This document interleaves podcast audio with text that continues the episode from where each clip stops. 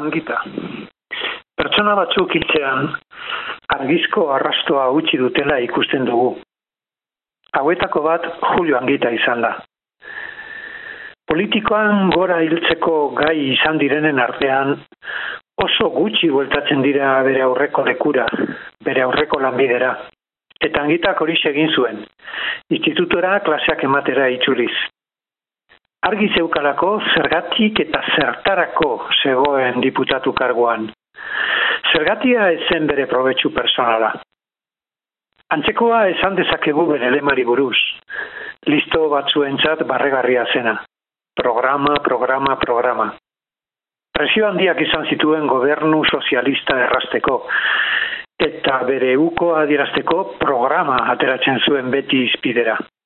Izan ere, zertarako balio du politikak, espada dauzkasun ideiak eta egitasmoak aurrera ateratzeko. Honetan ere, argi zeukan zergatik eta zertarako zegoen. Espainiako sindikatu handietarako kritika zorrotzak ere bideratu zituen, Azken batean, bi sindikatu horiek norabidea galduta zeukatelako eta daukatelako. Zergatik eta zertarako dauden ahaztuta, gauzak aldatzeko autuari musin egin zioten aspaldi, sistemaren barruan egokitxe bat bilatuz. Angitak ikasgai edarra utzi du. Ez makala jakitea zergatik eta zertarako gauden betetzen ari garen lekuan. Eta horren arabera ikitea, noski. Angitaren beste ezaugarria errazkerian ez erortzea zen.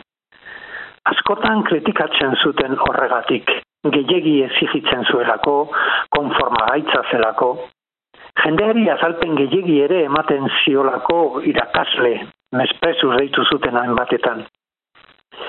Joera simpleak ez zituen gogoko, eta prozesuen une historikoan eta jokoan dauden interesen ikuspegi zabala erabiltzea gogoko zuen. Eta bere apostua justiziaren zen. Argi zeukan askoren pobreziak zer ikusi zuzena daukala batzuen neurri gabeko aberastasunarekin. Eta ez zegoen hori azteko prest. Azken boladan krisi klimatikoaz eta neurri gabeko kontsumoaz ere oiko zorrostasunez aritua zen. Honetan ere badugu zer ikasi, lema erraz eta zaleko planteamenduen gainetik zorrostasunez realitateari begiratu, sustraiak eta oinarriak bilatzeko. Inoiz ez nion bere partiduari botoa eman, baina bere ibilbidea omentzeko eta bere ondare aberatza onartzeko gogoa izan dut bere eriotzak tristatu nago honetan.